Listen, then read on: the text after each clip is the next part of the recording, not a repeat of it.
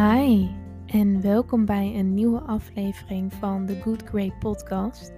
Ik hoop dat alles goed met je gaat en als het niet goed met je gaat, dan hoop ik dat ik je met deze nieuwe aflevering weer iets kan opbeuren door mijn geklets over wijn. En dit keer heb ik het niet alleen over een nieuwe aflevering van de Good Grey Podcast, maar over een hele nieuwe serie. Ehm, ik heb nog maar twee podcasts opgenomen en ik heb een aantal keer de vraag gekregen of um, men te gast mocht zijn in mijn podcast. En ik dacht, ja, waarom eigenlijk ook niet? Je kunt naar mijn mening niet vroeg genoeg beginnen met een gast in je podcast. En in je eentje kletsen over wijn is natuurlijk hartstikke leuk. Alleen samen is het denk ik net iets beter. Dus ik wens je heel veel luisterplezier naar mijn nieuwe aflevering en tegelijkertijd ook nieuwe serie van de Good Grape podcast, namelijk de Good Grape Guest. Oké, ehm, welkom Job. Uh, jij bent van het bedrijf uh, ThinkZet. En als uh, ja, de, luisteraars op mijn Instagram kijken en, en, als ze mij daarop volgen, dan hebben ze jullie al wel eens als bedrijf voorbij zien komen. Aangezien we inmiddels al een tijdje ja, samenwerken of dat ik een aantal wijnen al van jullie heb mogen proberen. En ja, we vonden het tijd voor een podcast, toch? Dus ja, vertel wie ben jij, wat doe jij en ehm, ja, hoe, kom, hoe kom je bij de naam ThinkZet? Ja, Emma, leuk, dankjewel. Heel leuk om hier aan deel te nemen, inderdaad. Wat je zegt, we zijn al een tijdje bezig met samen met wijn dingen doen. Ja, mijn naam is Job. Ik kom oorspronkelijk uit Gouda en ik woon nu in Barcelona. Dus ja, midden in het Catalaanse wijngebied. Lekker. En, ja, ik ben anderhalf jaar geleden samen met Jip begonnen met Tinkset. Tinkset is Catalaans voor ik heb dorst. We zochten namelijk naar een naam die Catalaans was.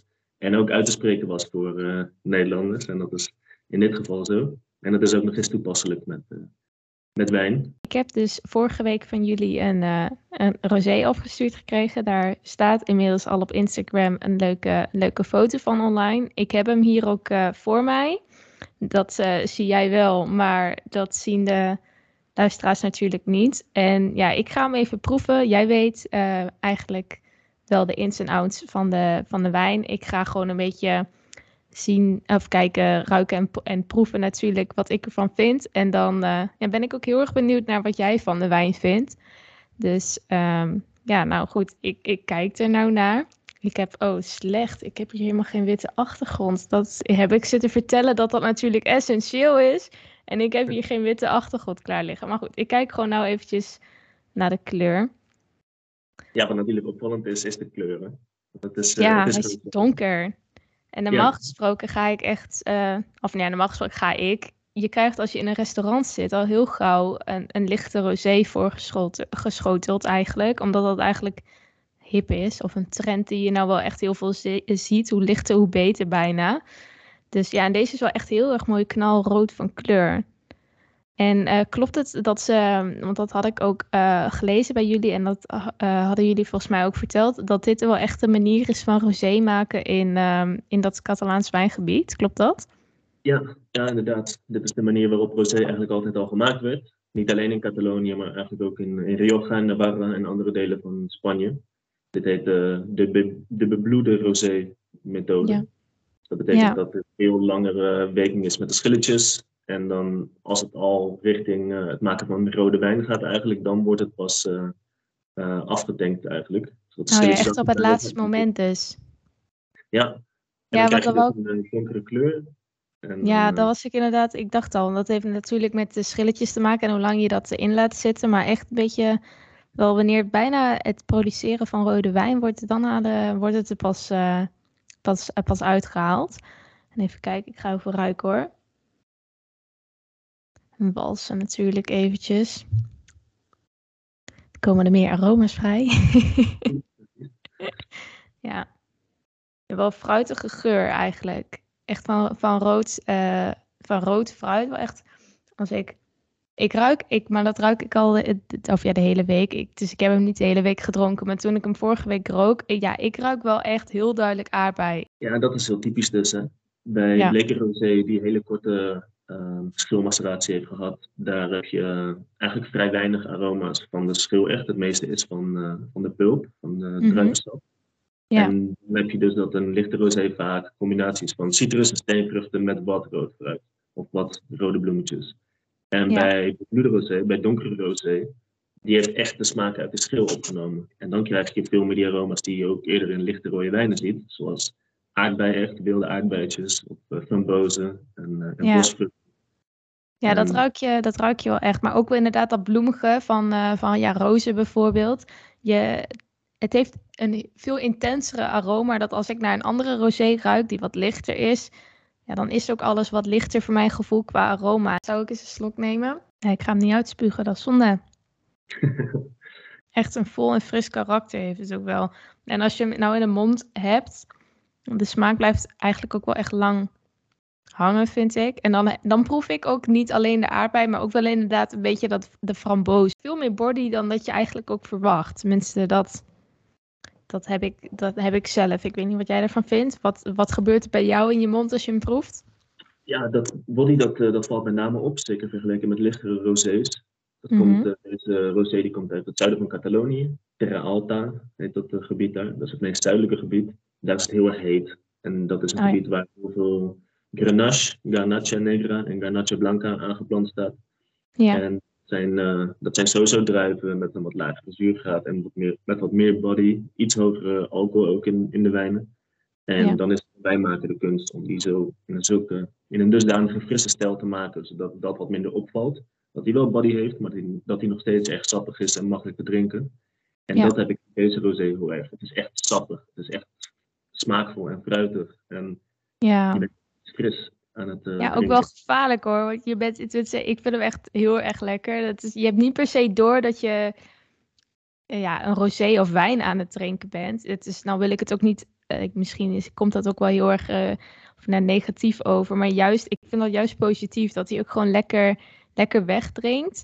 Maar ook heel erg goed te combineren is met eten. Want waar zou jij hem graag mee uh, willen combineren? Of waar zou, waar zou, uh, zou jij het mee combineren, deze rosé?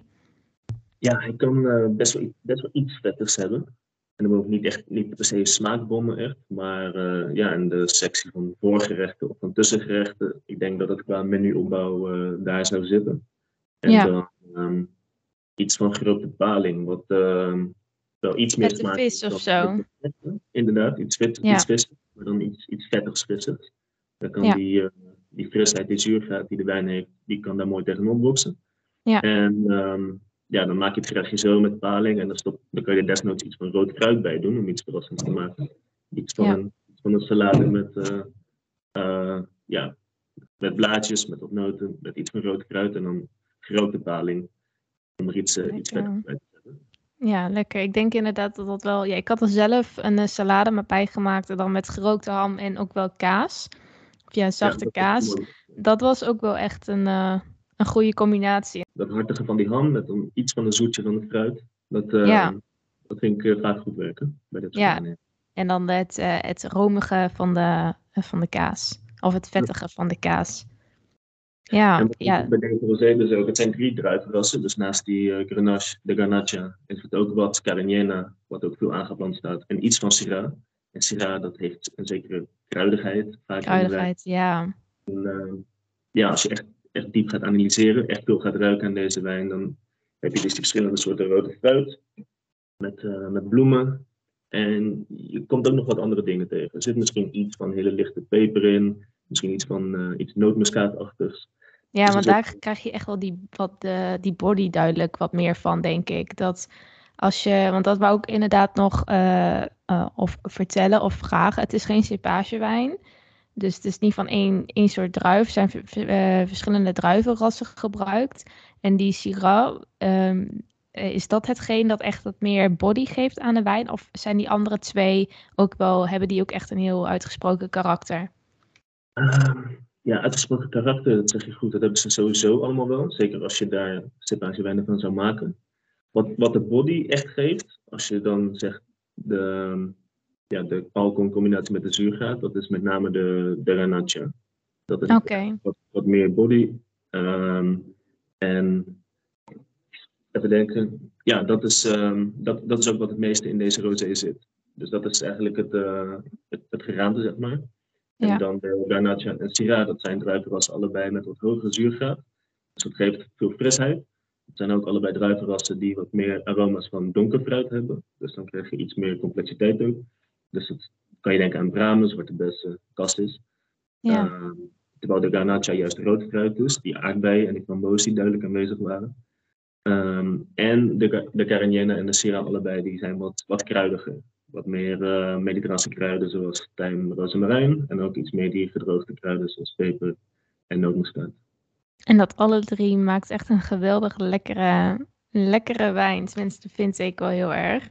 Want ik denk ook eigenlijk even een, een sprongetje te maken naar ja, het Catalaanse wijngebied en de Catalaanse wijnen. Ehm, ja, iedereen kent wel een beetje Spanje en eh, het, het, het Spaanse wijngebied of een wijn uit Spanje. Maar ik heb het idee dat eh, het Catalaanse wijngebied nog vrij onbekend is in Nederland. Klopt dat? Ja, zeker, dat klopt. En eh, er zijn wel Catalaanse wijnen op de markt, zeker. En dan de bekendste is misschien wel Cava. Ja. Maar er zijn nog steeds veel mensen die eh, niet precies weten waar dat vandaan komt. En dat Nee, ik wou net zeggen. Mijn, mijn moeder is namelijk echt wel, die houdt van de cava, prosecco, eh, champagne, weet je wel. Echt wel een wijn met een bubbeltje. En die zei ook, cava, ja, dat komt uit Spanje, punt. Ja, Ja, Ja. geen flauw idee waar het eigenlijk vandaan komt. Maar dat is dus wel echt het Catalaanse wijngebied. Ik denk dat heel veel mensen dat het niet eens weten. Dus ja, dat, ja, nou ja, jongens, daar komt dus de cava vandaan. Weten jullie dat ook meteen? De volgende keer als ze cava drinken, dan eh, kunnen ze in ieder geval vertellen dat ze weten waar het vandaan komt. Dus dat is zeker leuk. Ja, En ja, wat het een beetje ingewikkeld maakt, dat is een eigen beleid geweest, maar Kava hoeft niet per se uit Catalonië te komen. Het is wel zo dat eh, meer dan 95% van alle Kava uit Catalonië komt. Ja, het is dus niet zoals champagne. Nee, Kava Nee. mag ook uit Extremadura, dat is het zuidwesten, komen. Het mag uit Valencia komen en het mag uit eh, Noord-Spanje komen in een bepaald gebied. Dat zijn eh, ja, gebieden die hebben ook toestemming gekregen om onder bepaalde voorwaarden Kava te mogen maken en het zo te noemen. Ja. Eh, dus ja, het is bijna altijd uit Catalonië. Dat is echt het meeste wat je tegenkomt. Maar er zijn Mhm. uitzonderingen. Maar goed, dat helpt niet echt aan de, aan de draagt niet echt bij aan de duidelijkheid. Nee, precies. Ik denk dat daardoor ook heel veel mensen het inderdaad niet weten. Dat is met champagne wel iets anders. Vaak weten mensen wel dat champagne vaak alleen champagne mag heten als het ook uit de champagne-streek komt. Ja, en dat is dan met cava wel iets anders. Ja. Ja, want verschillende, je hebt verschillende wijngebieden in Catalonië eigenlijk. Wijngebied Ja. Catalonië, dat is een, eigenlijk een verzameling van elf kleine wijngebiedjes, elf kleine DO's. En daar Ja. is de, de iets bekendere Priorat is er daar één van, Penedès is er daar één van, de Terra Alta, waar we net de rosé van hadden, dat is er daar één van. En dat zijn allemaal gebieden met een eigen stijl, een eigen druivenrassen die daar veel aangeplant staan. Sommige zelfs echt met een eigen inheemse druivenrassen. Een eigen klimaat, terroir en, Ja. en stijl van wijn maken. want dat de heet een DO, zei je? Ja, in, in Frankrijk is dat AOC, Ja. Appellation d'origine contrôlée. En in Spanje is dat Denominación d'origen. En dat is eigenlijk hetzelfde. Dat betekent eh, dat de wijn uit een bepaald gebiedje komt, die, zo, eh, die daarna genoemd is. Ik denk dat heel veel mensen die luisteren dat eigenlijk eh, niet weten. Die denken misschien DO, wat is dat nou weer? Maar thanks voor de toelichting. Wat voor wijngebieden zijn er? Nou, die heb je net allemaal opgenoemd. Hoeveel wijndruiven of eh, ja, druivenrassen worden er, eh, zijn er bekend eigenlijk in het eh Catalaans wijngebied? Ja, ik denk dat voor, eh, het zijn er veel inderdaad. Mhm. En Catalonië zijn er ook heel veel internationale druivenrassen aangeplant. Die zal ik even buiten beschouwing laten. Ja. Maar de, degene die ik eerder al noemde, de Garnacha, die staat heel veel aangeplant voor eh, rode wijnen. Dan heb je daar ook de Garnacha Blanca van, die wordt veel gebruikt. Je hebt de, de drie druivenrassen waar Cava voor wordt gemaakt. Charello, Macabeo en Parellada. Dat staat veel aangeplant, eh, met name in het, eh, midden van Catalonië, waar Cava dus vandaan komt van van origine. Ja. Daar worden ook witte wijnen van gemaakt veel. Dan heb je als rode druif ook nog de, de Carignana. En die zorgt samen met de Garnacha voor eh, de Priorat blend. Dat is meestal een, eh, een blend van die twee druivenrassen. Ja. En ja, dat is, dat is het in grote lijnen. Je hebt wat Tempranillo, maar goed, dat komt ook in andere delen van Spanje voor natuurlijk. ja, precies. Heb je veel eh, echt lokale druivenrassen. Zoals een rode druif Trepat, die erg op de Pinot Noir lijkt. Je hebt uit Terra Alta ook van hetzelfde wijnhuis als wij de rosé van proefden. Een dat is een bijna uitgestorven druivenras, die ze opnieuw uh, hebben aangeplant en daar een uh, van maken. En er is ook een variant van de Malvasia, een druivenras die je door het hele Mediterraanse gebied tegenkomt. En deze variant is, heet de Malvasia de Sitges. Sitges is een plaatsje net onder Barcelona. En dat is een druivenras die ook steeds populairder wordt, omdat het echt authentiek Catalaans is. Oké, en daar heb je ook een wijn van in het uh, assortiment zitten? Ja, zeker. Ja. Onze signature wijn misschien wel. Degene waarmee het voor ons allemaal begon. De Sacera. Die kwamen we tegen in, uh, in Spanje. Met echt de boodschap van dit is echt iets zo bijzonders. Uh, ja. Je gaat niet naar doen. Of wel omdat je het zo fantastisch vindt, of omdat je het helemaal niks vindt. Ja. Zodat, kom maar op. En dat was zo apart, zo bijzonder. Echt een gouden kleur. Uh, niet, niet de doorsnee wijn van deze druif, om het zo te zeggen. Maar uh, deze wijnmaker heeft echt iets speciaals gemaakt. Heel complex, heel licht zoetje had hij. Een soort van uh, ja, dessert, of een, een wijn die je eigenlijk bij een uh, half zoet dessert zou doen. Oh ja. En dat was eigenlijk het moment, we dachten, dit moeten we aan, ons, aan onze vrienden en familie in Nederland laten proeven. Laten we eens kijken ja. of dat er is in Nederland. En dat was niet beschikbaar.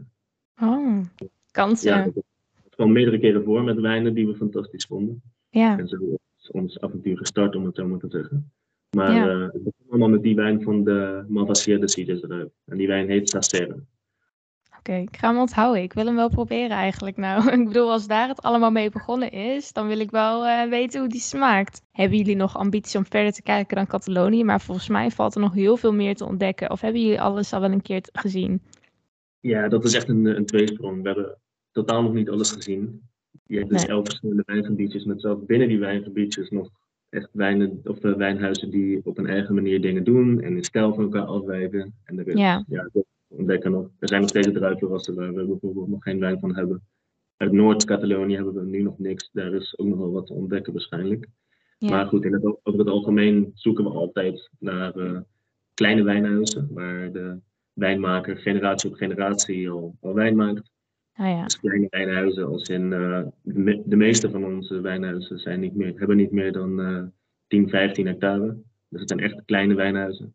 Ja. En die uh, doen alles zelf. Dus die maken de wijn, die verzorgen de. Veel passie. De die doen ook de verkoop en die proberen ook marketing en Instagram een beetje bij te houden, meestal. Niet Ja. eens altijd. Um, ja, veel gebruik van lokale druivenrassen en dat je echt uh, authentieke Catalaanse wijn hebt. Dat als je dat hier in Nederland aan mensen laat proeven, dat ze echt verrast zijn van, hé, maar dit is, dit is even iets anders dan wat ik normaal drink. Ja, En, dit eh, is wel echt anders dan een Spaanse wijn, zeg maar. Ja, Tenminste, ja. dat, dat, dat dacht ik wel. En dat blijf ik ook denken. Dat niet zo van de wijnen die ik heb geproefd, dit is wel echt iets anders. Dus ja, ik zou ook iedereen sowieso aanraden om, eh, om bij jullie wat te bestellen. Ik denk ook dat het eh, ja, tijd gaat zijn om het eh, af te ronden. Ik weet niet of jij nog wat vragen hebt of dat je nog graag iets kwijt wil. Nou, ja, bedankt nou voor deze mogelijkheid. Het is altijd genoeg om over wijn te praten en zeker over Catalaanse wijn. Dus dat is heel erg leuk om, om te delen. En ik zou Ja. mensen aanmoedigen inderdaad om gewoon nieuwe dingen te proberen. Ontwikkel je, je smaak, kijk wat je lekker vindt. En met Catalaanse wijn word je sowieso verrast. En in, uh, in onze mening sowieso positief verrast. Dit was hem dan weer, de derde aflevering van de Good Grape podcast. Een aflevering uit de nieuwe serie The Good Grape Guest. Je hebt uh, kennis mogen maken met het bedrijf Thinkset en met Job. Ik ben heel erg benieuwd naar wat jullie van deze podcast vonden en wat jullie van de nieuwe serie vinden, The Good Grape Guest. En uh, ik ben ook ontzettend benieuwd of jullie nieuwsgierig zijn geworden naar de Catalaanse wijn en of jullie deze dan ook gaan uitproberen. Je kunt The Good Grape en meer over mijn leven ook bekijken op Instagram emma.degoede. En hier vind je mijn reis tot vinoloog en mijn reis tot het opzetten van mijn eigen merk Le Bon Vino. En uh, vergeet ook niet om een kijkje te nemen op de Instagram van Thinkset. Uh, die heet op Instagram tink.set. Ik zal de naam ook eventjes uh, hier in de show notes zetten. En dan uh, zie ik jullie graag terug in mijn volgende podcast.